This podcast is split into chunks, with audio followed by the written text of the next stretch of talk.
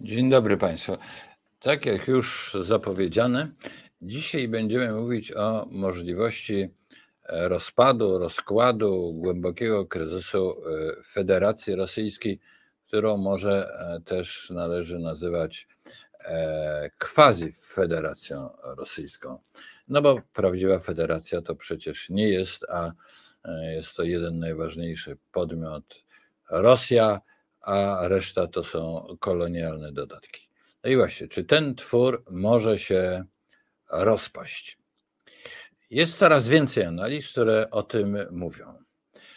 Książkę, którą chcę przywołać, e, ona mówi o, e, to jest opracowanie Jamestown Foundation. Oni już od e, wielu lat, niemal 20, prowadzą taki program E, Russia in Decline. E, autorem tego programu jest wybitny e, znawca Rosji, politolog Paul Globe, ale ostatnio wydali książkę, która już powstała po wybuchu wojny z Ukrainą. Tylko mm, zaraz pokażemy okładkę tej książki i będę ją omawiał, ale powiedzmy sobie mm, kilka słów na wstępie. Mianowicie, z kim ja nie rozmawiam, że Rosja, Federacja Rosyjska może się rozpaść, to mm, słyszę mm, coś takiego, no to już wielokrotnie było zapowiadane. E, bliżsi moi znajomi mówią, Kazik, ty to, to, to mów o tym globę, to żeś już mówił ileś lat temu, no i co się nie rozpadła. No więc yy, najpierw na temat takiego stosunku do całego zagadnienia. No, po pierwsze, yy, Rosja w Imperium Rosyjskie zaczyna się bardzo intensywnie rozpadać i chcę na to zwrócić uwagę od roku 1989. Wtedy była granica imperium była na Łabie. To jest 2000 kilometrów od Moskwy. Obecnie jest 600 kilometrów od Moskwy w Doniecku. No, no, to jest dosyć poważna różnica. Już w poprzednich audycjach mówiliśmy, jaką dużą część terytorium, jedną piątą, ta federacja utraciła, ponad połowę ludności utraciło to imperium. No więc w gruncie rzeczy proces rozpadu już się zaczął. E, no i mm, ten proces rozpadu jest tym bardziej bolesny, że mm, Rosja e, traci swoją e, wymarzoną kolonię, Ukrainę, którą, dodajmy, zniewoliła w tak naprawdę wraz z rozbiorami Rzeczpospolitej, a więc e, powiedzmy 200 e, lat temu, i, czy niecałe 200 lat temu, i, i ta Ukraina, której Rosja ukradła historię, zbudowała własną imperialną ideologię, zabierając Ukrainie jej własne dzieje, Rusi w Kijowie i tak dalej, no to jest, y, y, to jest przecież już proces rozpadu. No dobrze, ale czy może się rozpadać dalej? Y, czy możemy pokazać okładkę? Już, o. A więc to jest opracowanie, jak już powiedziałem, Jamestown Foundation, Fail State, czyli upadłe państwo, czy nieudane państwo, lepiej przetłumaczyć, Guide to Russia's Rapture. Autorem jest Polak Janusz Bogajski, politolog, który od dłuższego czasu współpracuje, czy jest pracownikiem wręcz Jamestown Foundation. No i to opracowanie powstało w ostatnim okresie i ono mm, y, liczy 400 stron. I teraz, jeżeli autor twierdzi, że dojdzie do tego rapture, czyli rozpadu, to nie jest to na podstawie wishful thinking, bo jeszcze raz przytaczam te rozmowy, które cały czas toczę. No, y, ja też bym chciał, ale to już tyle razy było zapowiedziane. Oczywiście nie chodzi o to, czy ktoś y, by chciał lub nie chciał w tej sprawie, ale jakie istnieją poważne argumenty za tym, że e, Federacja Rosyjska zacznie się rozpadać. I oryginalnością tego opracowania jest to, czy oryginalnością, może już dzisiaj nie oryginalnością. Na pewno to jest to inne podejście niż podejście typowo sowietologiczne, które dzisiaj e, również niestety ma swoje nowe wydanie, a mianowicie zastanawianie się, czy e, Putin jest chory, czy nie chory, jak macha prawą czy lewą nóżką, czy rączką. E, I to stanowi przedmiot jakichś bardzo długich analiz. To oczywiście nie ma tak naprawdę żadnego znaczenia, czy on jest chory, czy nie. No, sowietologia polega na tym, żeby analizować to, co się dzieje na Kremlu. To jest kremlinologia. I z tego wyciągać e, mniej lub dalej idące wnioski. Jak wiemy, ten typ analizy tego, co się dzieje e, w Rosji, poniósł zupełną porażkę. On był może uzasadniony w okresie Związku Radzieckiego, ponieważ był to system całkowicie nieprzejrzysty e, i próba E, no, dowiedzenia się czegokolwiek na przykład polegała na tym, w jakim porządku siedzieli ci wszyscy mm, dostojnicy, czynownicy wysocy sowieccy, w jakim porządku stali na trybunie podczas defilady 1 maja albo jakiejś innej defilady. No, ten typ analizy dzisiaj jest całkowicie nieprzydatny, ale ma swoją taką właśnie odmianę, o której mówię. Czy Putin jest bardzo chory, w ogóle nie jest chory, czy to jest ściema i tak dalej, będziemy się tym bawić. Inny typ takiej również postsowietologii jest to, no nawet jeżeli Putin odejdzie, to następny będzie jeszcze gorszy. No, zwracam Państwu uwagę, no, że to jest śmieszne, bo nie Putin jest najważniejszy, tylko cały ten system. Prawda? No więc Wróćmy teraz do analizy Bugajskiego. Proszę, żeby tutaj nam pokazano tą okładkę, jak ja to będę mówił. 400 e, stron i zaczyna się oczywiście od spraw gospodarczych. Rosja jest krajem, który, e, którego e, gospodarka to jest 2% gospodarki światowej. O tym żeśmy już wielokrotnie mówili, ale proszę, żebyśmy sobie zdali z tego sprawę. 2% gospodarki światowej. Niecałe dwa razy więcej niż gospodarka polska. No, tylko Kaczyński z gospodarką polską może się zdobyć na mocarstwowość. Putin go może naśladuje i też się zdobywa na mocarstwowość, ale to jest 2% a gospodarka Zachodu, gospodarki Zachodu łącznie, to jest ponad 15%. Wielokrotnie przypominano już ten argument, że wojny wygrywa się z pomocą pieniędzy w dużym stopniu. I, e, i przypomina się, że Niemcy hitlerowskie czy Trzecia Rzesza miała gospodarkę tylko cztery razy mniej od Stanów Zjednoczonych, a to było decydujące, rozstrzygające dla e, wyniku II wojny światowej.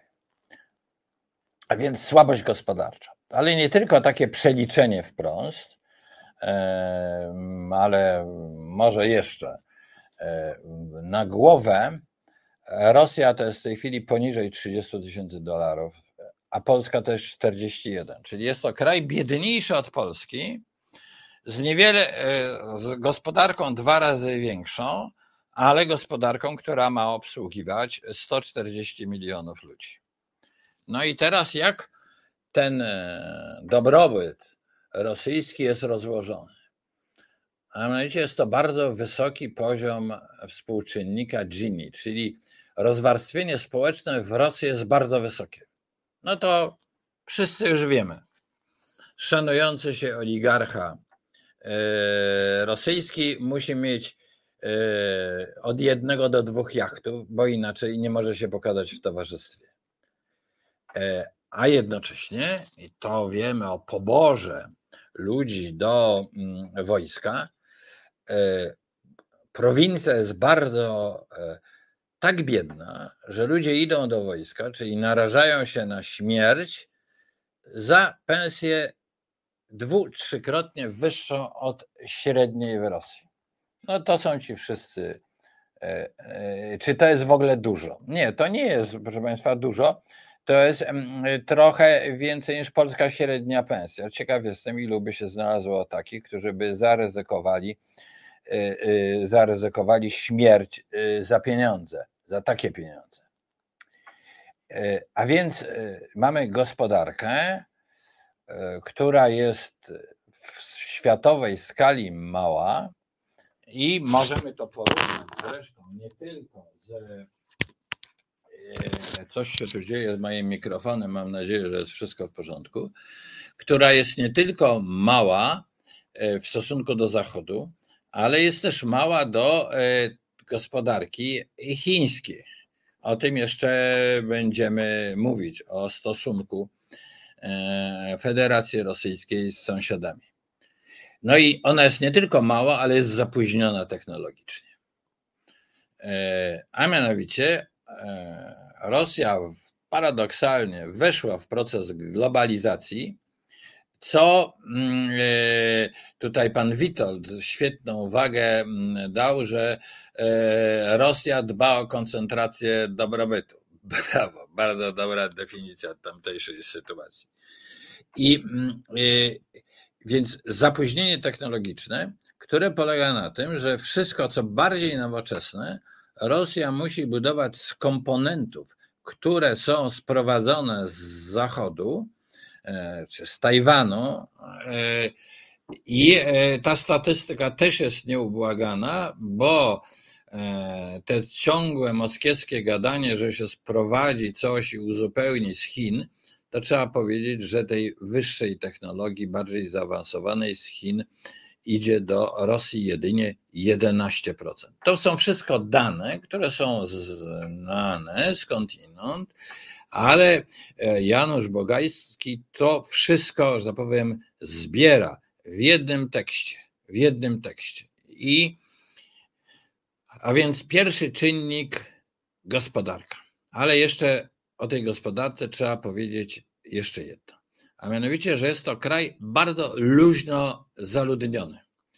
Te okręgi wokół Moskwy, troszkę na północ i tak dalej, to jest gęstość zaludnienia no, umożliwiająca prowadzenie intensywnej gospodarki. Natomiast cały mm, ten obszar za Uralem to są cztery osoby, pięć osób na kilometr kwadratowy. To zdają sobie Państwo sprawę, że tam żadnej intensywnej gospodarki wprowadzić już nie można. Można oczywiście prowadzić jakąś działalność wydobywczą. Takim dostarczycielem e, surowców jest e, w ogromnym stopniu Yy, Jakucja. To jest obraz gospodarczy. Bardzo słaba gospodarka, zapóźniona e, technologicznie, chce w jakiś sposób zostać, dać podstawy Rosji jako supermocarstwo. No, teraz yy, dalsze, że tak powiem, czynniki i konsekwencje tej sytuacji gospodarczej.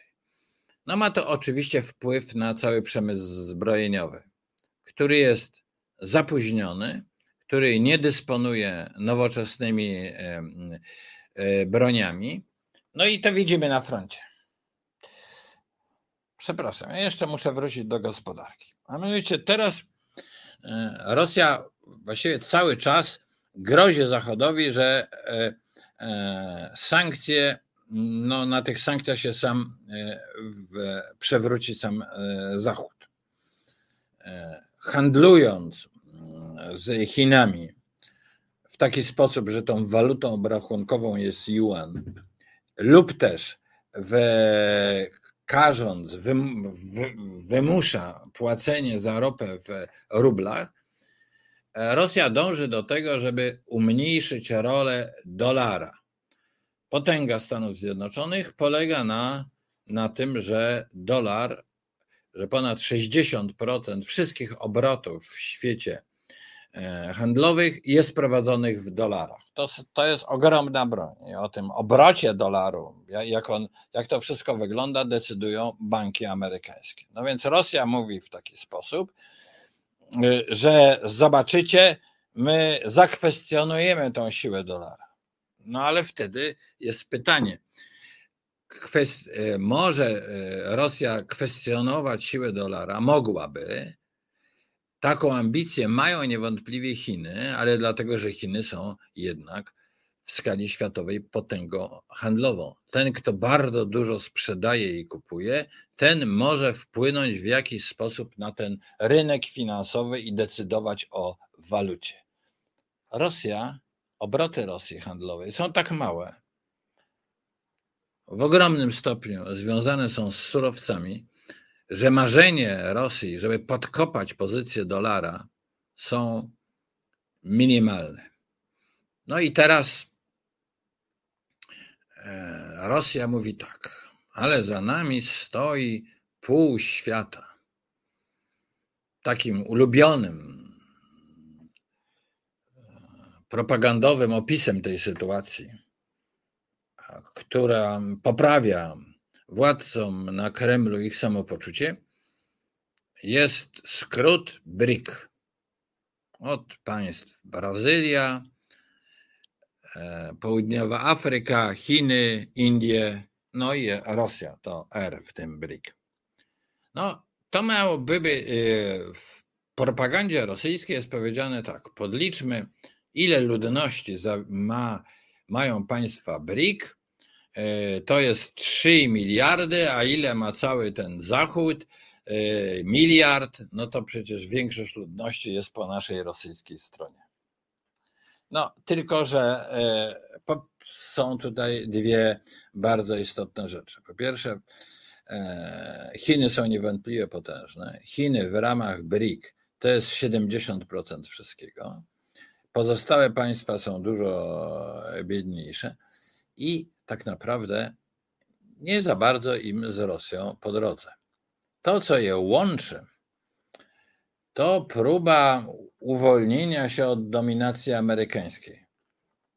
Ale wcale nie łączy ich jakiś wspólny interes z Rosją. Przede wszystkim taki interes z Rosją, e, e, interes nie łączy Chin bo Chinom zależy na rozwoju właśnie handlu światowego. Chiny się z tego utrzymują.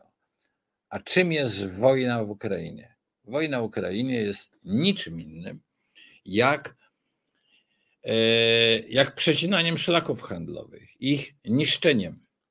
Czyli najprawdopodobniej Chiny życzą sobie, żeby ta wojna zakończyła się e, stosunkowo szybko, i e, żeby handel światowy z powrotem ruszył, a nie żeby w świecie była gospodarcza recesja. A więc i to ma odbicie bardzo silne w polityce, w polityce chińskiej. E, właściwie Chiny, Beijing przyłączył się do sankcji i nie zamierza Rosji, Rosji wspierać. E, Bogajski nie podkreśla może e, tak silnie w tej książce następującego elementu, a mianowicie jak, że ta armia rosyjska okazała się tak słaba. On najprawdopodobniej kończył tą książkę w dużym pośpiechu i w dużym wysiłku e, jakiś miesiąc, półtora miesiąca temu to już było widoczne, ale nie tak dalece jak obecnie. No ale jaki to ma wpływ teraz na politykę, widzenie Rosji, że ta Rosja jest słaba? Mówiliśmy o tym poprzednim razem, mówiąc o granicach. Ci, którzy się Rosji bali, jak Kazachstan, nagle stawiają pewne twarde warunki. Tak, ci, którym Rosja zabrała jakieś terytorium, jak Japonia, upominają się o Kuryle, a więc y, ta słabość armii również ma skutki polityczne, a dostrzega się za tym bardzo istotny czynnik gospodarczy. rosyjska armia silniejsza z całą pewnością nie będzie. Mało tego, zaczyna się dostrzegać, że gdyby ten konflikt był bardziej długotrwały, powiedzmy dwu czy trzyletni, to e, Rosji po prostu zabraknie, zabraknie, zabraknie zasobów. A więc czynnik gospodarczy, militarny. Ale e, Bogajski omawia też inne bardzo ważne czynniki, a mianowicie czynnik kulturowo-tożsamościowy. No i jeżeli się prowadzi wojnę, to jest kwestia mobilizacji bardzo istotna. Ale mobilizacji nie tylko do armii bezpośrednio, ale tej mobilizacji związanej z motywacją ludzi, że oni chcą walczyć, że chcą tą wojnę wspierać, że się identyfikują z tymi, którzy tą wojnę rozpoczęli, planują i tak dalej. Otóż z tym jest bardzo, bardzo słabo w Rosji. Oblicza się, to już są wcześniejsze dane, że z Rosji e, uciekło około e, jednej trzeciej wszystkich ekspertów, no, tych high professional i tak dalej. Od początku wojny wyjechało z Rosji 300 tysięcy ludzi, takich jak informatycy, specjaliści w różnych dziedzinach i tak dalej. No, to jest ogromna strata dla gospodarki, oczywiście, ale to świadczy o tym, że ci ludzie z wyższym wykształceniem, te elity e, i te często młode elity, nie czują się z tym państwem, a w każdym razie z tym państwem, z takim kierownictwem, jakie ono ma, nie czują się absolutnie związani. No, to jest bardzo poważna rzecz. No i mamy tego zresztą mm, e, wyraz w, w sposobie prowadzenia polityki wewnętrznej przez Putina. On przecież nie do armii nie powołuje żołnierzy z Sankt Petersburga, e, z Moskwy, czy z tych dużych e, ośrodków rosyjskich, chociaż te dwa miasta są absolutnie e, dominujące, prawda? To, te dwa miasta to jest około 30 milionów, a, a reszta miasta jest około miliona, troszkę więcej niż miliona, więc widzimy, jak ten centrum jest tutaj dominujący. I e, więc nie, nie sięga się do tych ludzi, którzy powinni się czuć Rosjanami i iść na wojnę, tylko sięga się do biednej prowincji, Buriatów, Kałmuków e, i tak dalej, i tak dalej. Mm, e, telewizje całego świata nadają audycje, jak to e, żołnierze rosyjscy są chętni do tego, żeby jako łup wojenny wziąć klozety z jakichś domów e, e, rosyjskich. No ale to jest może kompromitujące. Ale najpewniej jest tak, że tym żołnierzom mówi się, że ich zapłatą jest również rabunek.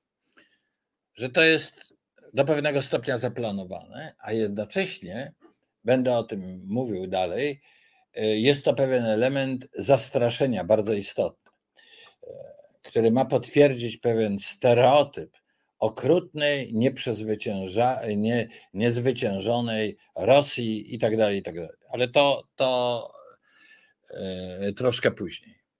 A więc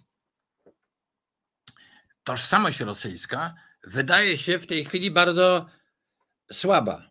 Ci, którzy powinni walczyć przede wszystkim, to znaczy Rosjanie, nie walczą tam. Oni zajmują się własnymi interesami, e, uciekają z Rosji i ich własny kraj nie bardzo im się podoba. No ale teraz Państwo na pewno odpowiedzą mi zaraz, zaraz, ale e, przecież e,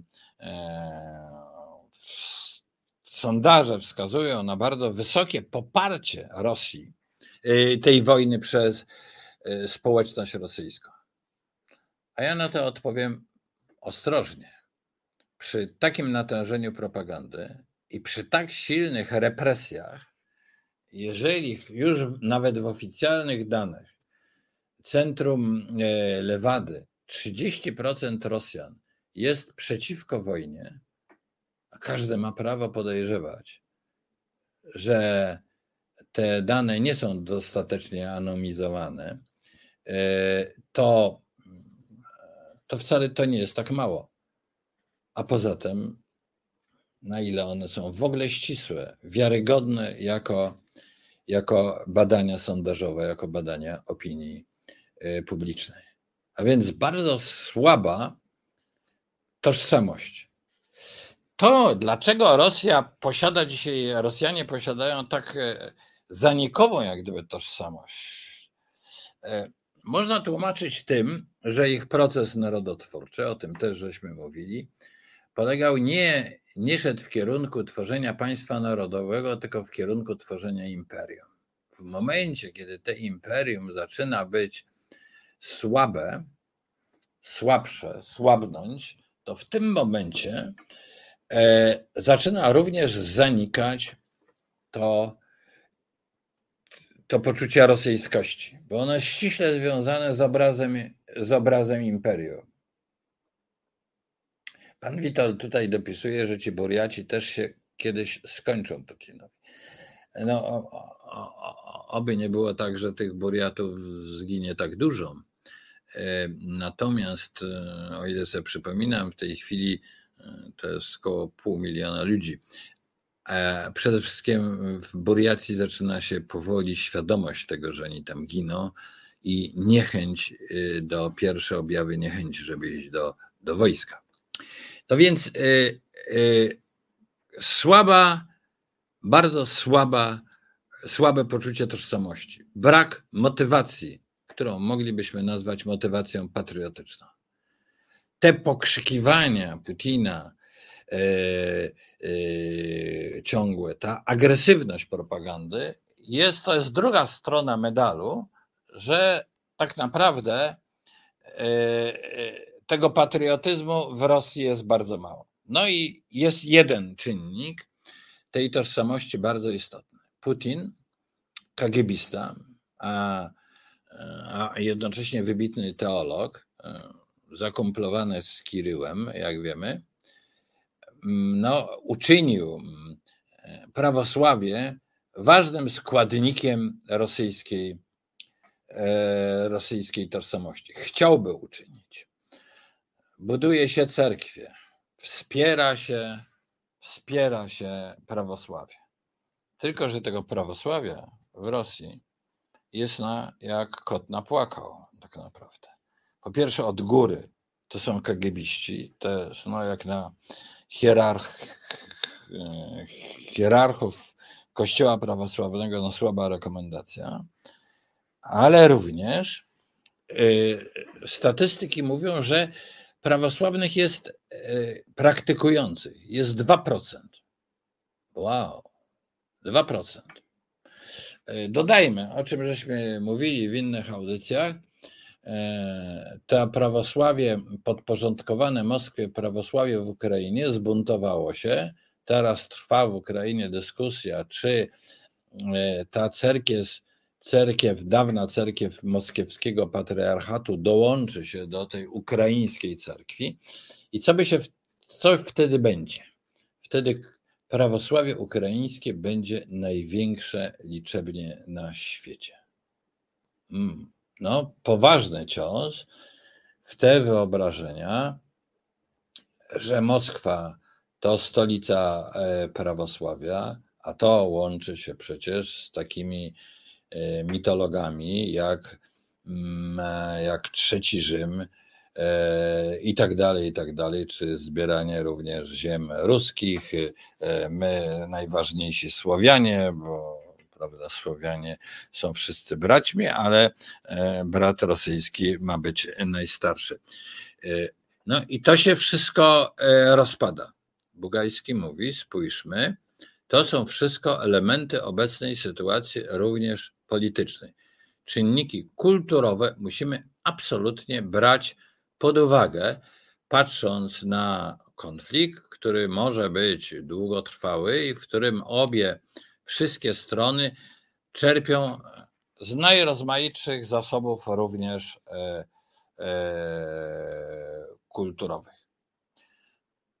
Proszę teraz o chwilkę muzyki, żebyśmy odsapnęli. Jaka jest Azja, każdy widzi. Ale czy na pewno? Blanka Dżugaj wraz z gośćmi bierze pod lupę bieżące wydarzenia z największego kontynentu świata. Nadaje im kontekst, analizuje i interpretuje. Czasem odczytuje przyszłość, ale nie z fusów, lecz z faktów. A wszystko po to, by Azja była dla widzów i widzek terra bardziej cognita. Każdy wtorek od 19.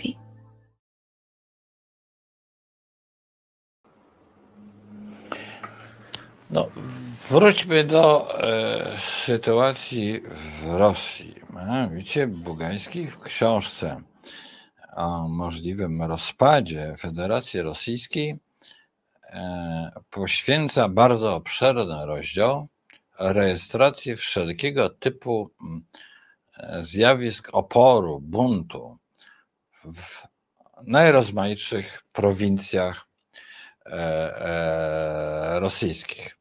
Gdybyśmy, tak jak Państwo widzą tą mapę, tam nanieśli te miejsca, w których doszło do jakichś poważnych e, e, konfliktów wewnątrz federacji, tych punktów byłoby bardzo dużo. No, pamiętamy te zajścia w Chabarowsku, we Władysławowie.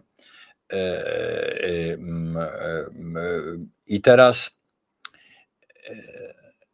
Istotną również sprawą jest to, że po wybuchu, po napaści na Ukrainę, e, tych e, aktów oporu wciąż jest dużo. One nie są intensywne. To nie jest coś, co oczywiście może przewrócić reżim w, w, e, w Moskwie. Ale one się wciąż powtarzają. Wciąż są osoby, które ryzykując długoletnie więzienie, wychodzą z napisem wojna e, albo z napisem pokój, wszystko jedno, to jest paradoks, paradoks tej sytuacji, że każdy taki plakat e, mm, jest, może być powodem aresztowania. Ale tutaj pan Witold, y, y, dziękuję panu za tą uwagę. Pisze, Kazimierz, jesteś optymistą, ruskie boją się tylko bata. E, mm, jeszcze raz. Nie myślmy schematami. Nie myślmy schematami. No jeżeli ruskie boją się tylko bata, to e, panie Witoldzie, tylko wtedy, kiedy jakieś czołgi wjadą na plac czerwony, e, wtedy tylko e, w jakiś sposób ustąpią. Pan myśli niestety takim schematem e, wiecznej Rosji, w której przeciętny Rosjanin jest w stanie mm, żyć, za, zadowolić się paroma kartoflami, zniesie wszystko i będzie cały czas posłusznym poddanym. Takie wyobrażenie Rosji jest na zewnątrz często, e, ale też ono jest bardzo użyteczne dla samych władców na Kremlu. Oni też tak mówią. My, Rosjanie, to my, to jest taki facet, co posiada, e, jak tak mówi, prawda? Jakiś propagandista mówi, my potrafimy wy, wytrzymać wszystko.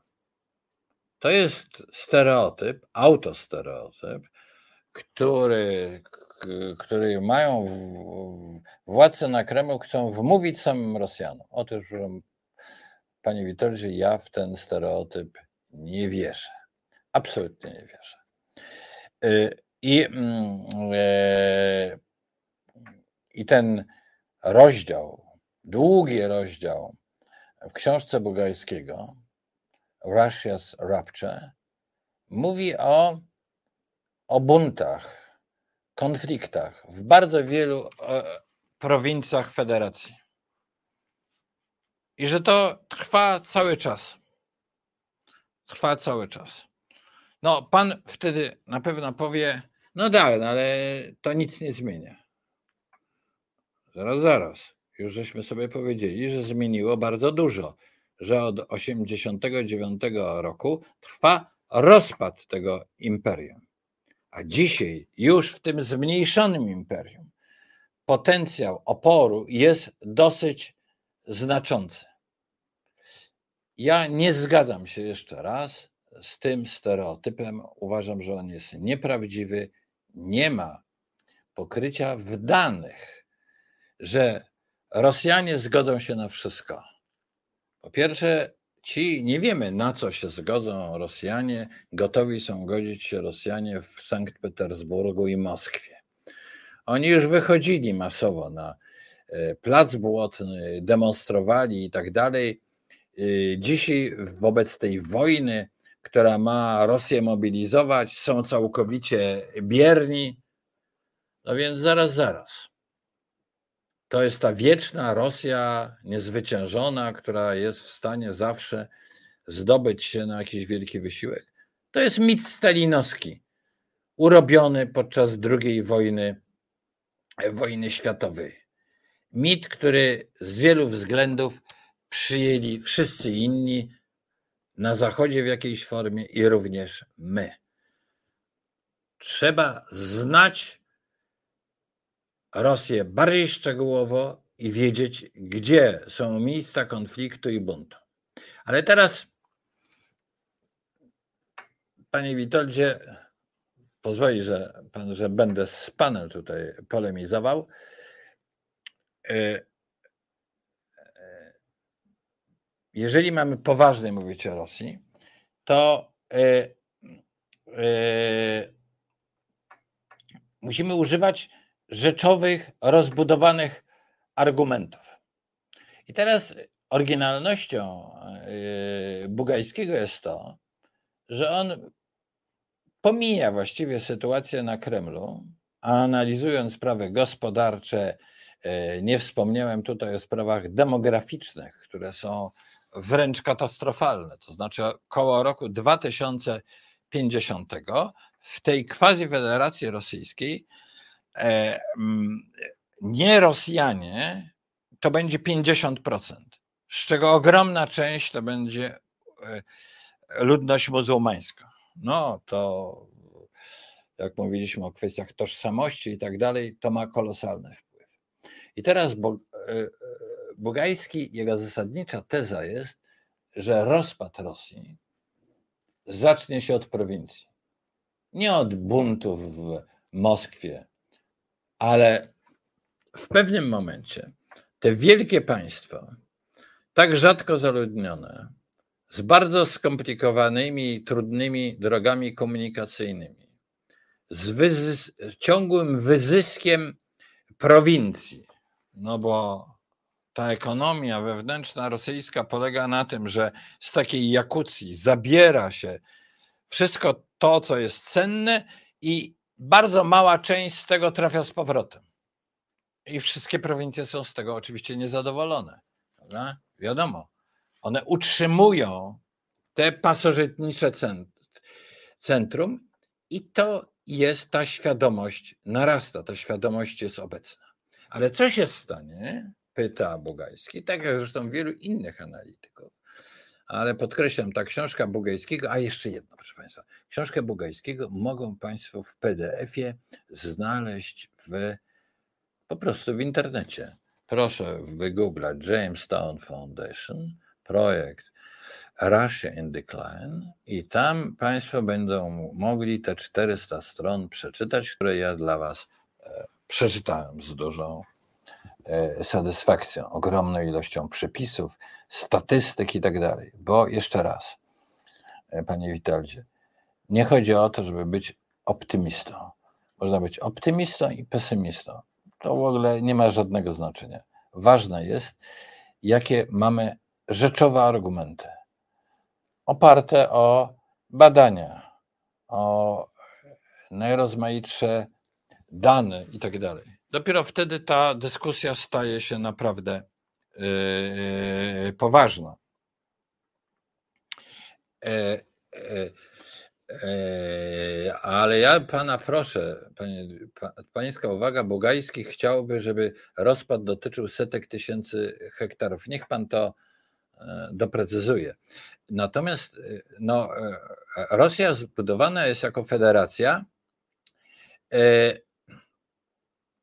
i- i formalnie ma te republiki, mm, e, które mają taką tożsamość quasi-narodową, mają inne tereny, które też są bardzo odległe od centrum.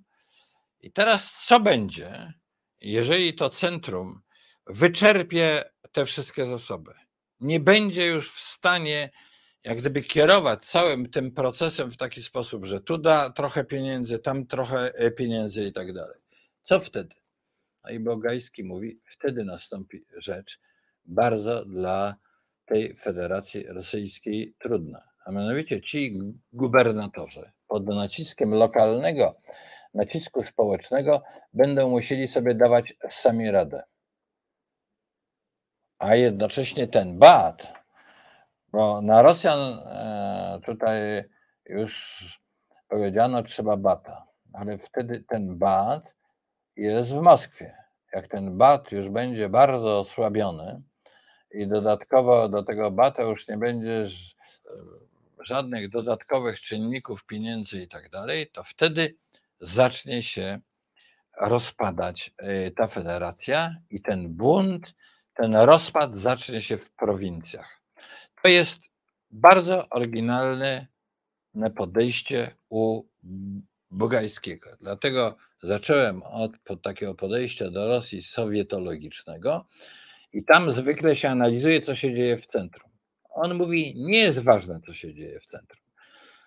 Polityka Putina jest na tyle absurdalna, że ona e, wyczerpała jak gdyby możliwości tego centrum i bunt zacznie się w prowincjach. Optymizm czy pesymizm? Skreślmy to. Przypomnijmy tylko takie fakty. Rosja w, w latach 80 y, y, po 91 roku właściwie się de facto rozpadła. Bardzo wiele tych republik z tą nominalną narodowością ogłosiło swoją niezależność. To już zresztą o Rosji wydarzyło się wcześniej. E, Rosja carska rozpadła się pod koniec y, I wojny światowej i powstało wtedy bardzo wiele niezależnych państw, republik, które jakoś się udało scalić. A więc, proszę Państwa, schemat wiecznej Rosji, w której, e, gdzie społeczeństwo wszystko wytrzyma, naprawdę służy przede wszystkim władcom na Kremlu, a nie służy, e, służy polityce wobec Rosji, która była bezskuteczna. A więc jaka polityka była bezskuteczna teraz?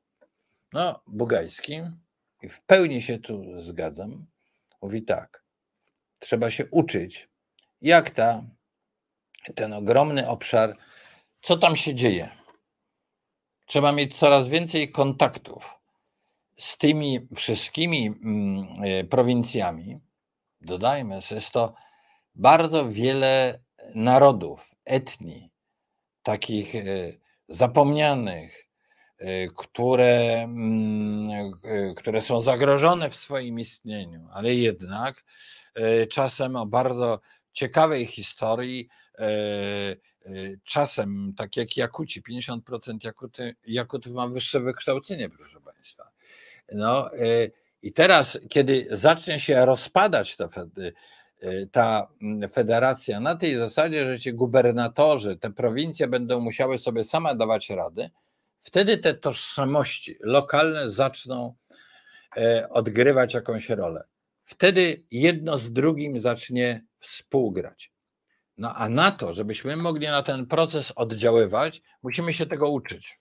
Musimy mieć podejście do polityki wschodniej, tej polityki wschodniej wobec Rosji, całkowicie inne niż dotychczas. Nie wpatrywać się w Moskwę i Petersburg, ale pilnie uczyć się, kim są właśnie ci Burjaci, Ewenkowie, Czukoci i tak dalej, i tak dalej. Uczyć się geografii tego ogromnego terytorium, uczyć się danych gospodarczych, na czym to wszystko polega, po to, żeby móc w jakiś sposób, w tej chwili oczywiście poprzez bardzo ograniczone kontakty, ale móc na to wszystko oddziaływać. Obraz Rosji, takiej niezmiennej, tradycyjnej, która zawsze e, wyjdzie na swoje, no to właśnie jest ten schemat propagandowy, który Kreml sobie jak najbardziej życzy.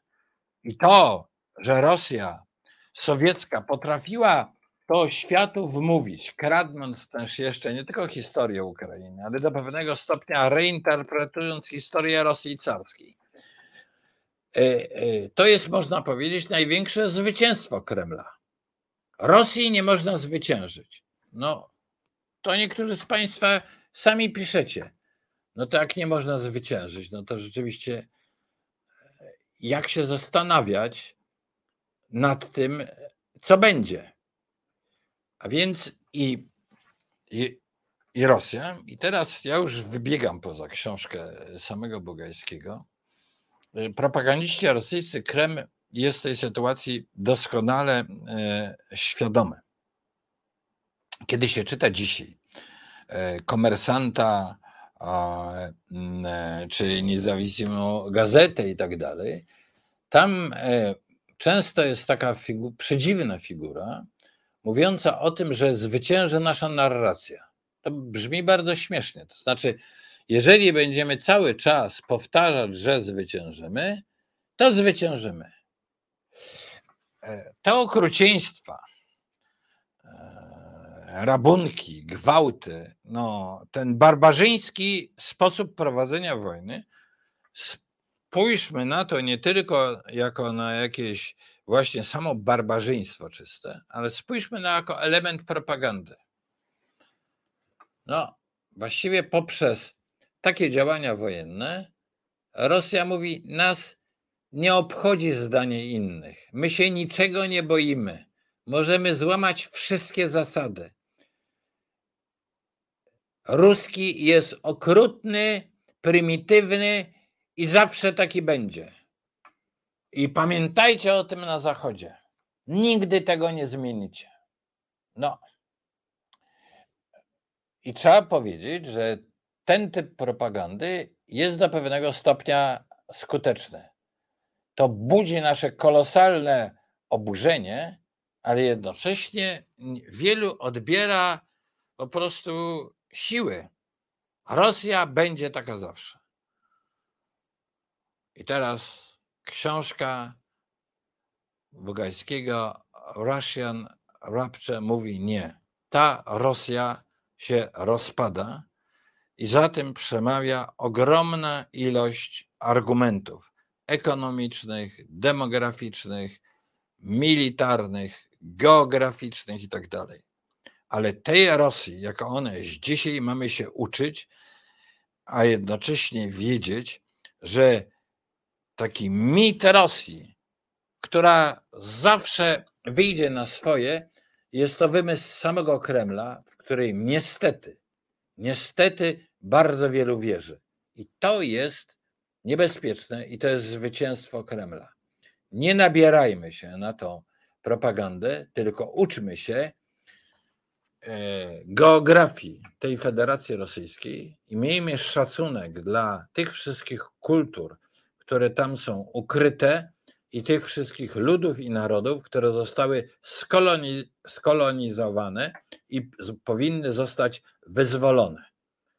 To jest zadanie, bardzo istotne, ponieważ istnieje mnóstwo organizacji w świecie, tych zniewolonych ludów, które mają swoje kontakty, które chciałyby, żeby świat się o nich dowiedział, a my widzimy tylko jedną wielką, niezmienną Rosję.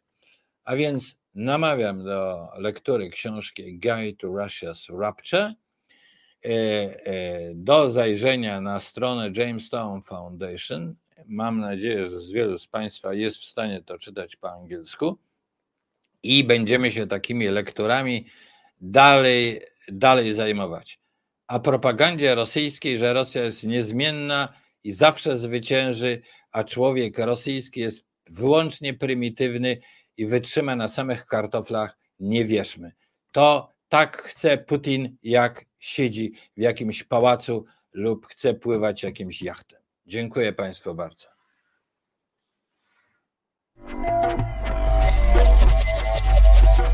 Reset Obywatelski.